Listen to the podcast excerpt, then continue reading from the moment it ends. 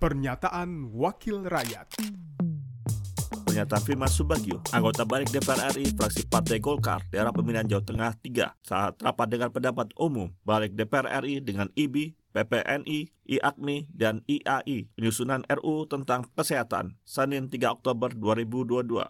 Yang mungkin juga menjadi perhatian Pak mengenai PPNI dan Ikatan Bidan, apakah tuntutan kita untuk mengeluarkan sertifikat standar internasional itu sudah dilakukan belum oleh negara ini?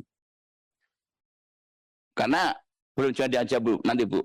Karena waktu itu Bu, kami berkunjung ke yang Ibu sebutkan tadi, terutama di Saudi Arabia.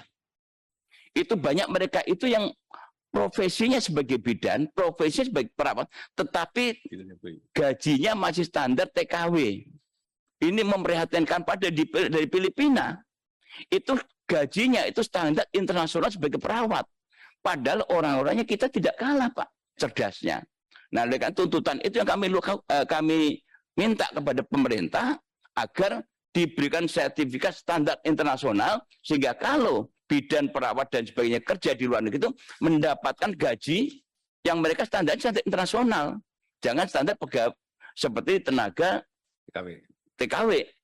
Itu mohon maaf. Kira-kira seperti itu. Nah, ini mungkin yang perlu di uh, kupas tuntas Pernyataan Firman Subagio, anggota balik DPR RI, fraksi Partai Golkar, daerah pemilihan Jawa Tengah 3, produksi TV dan radio Parlemen, Biro Pemberitaan Parlemen Sekjen DPR RI. Pernyataan Wakil Rakyat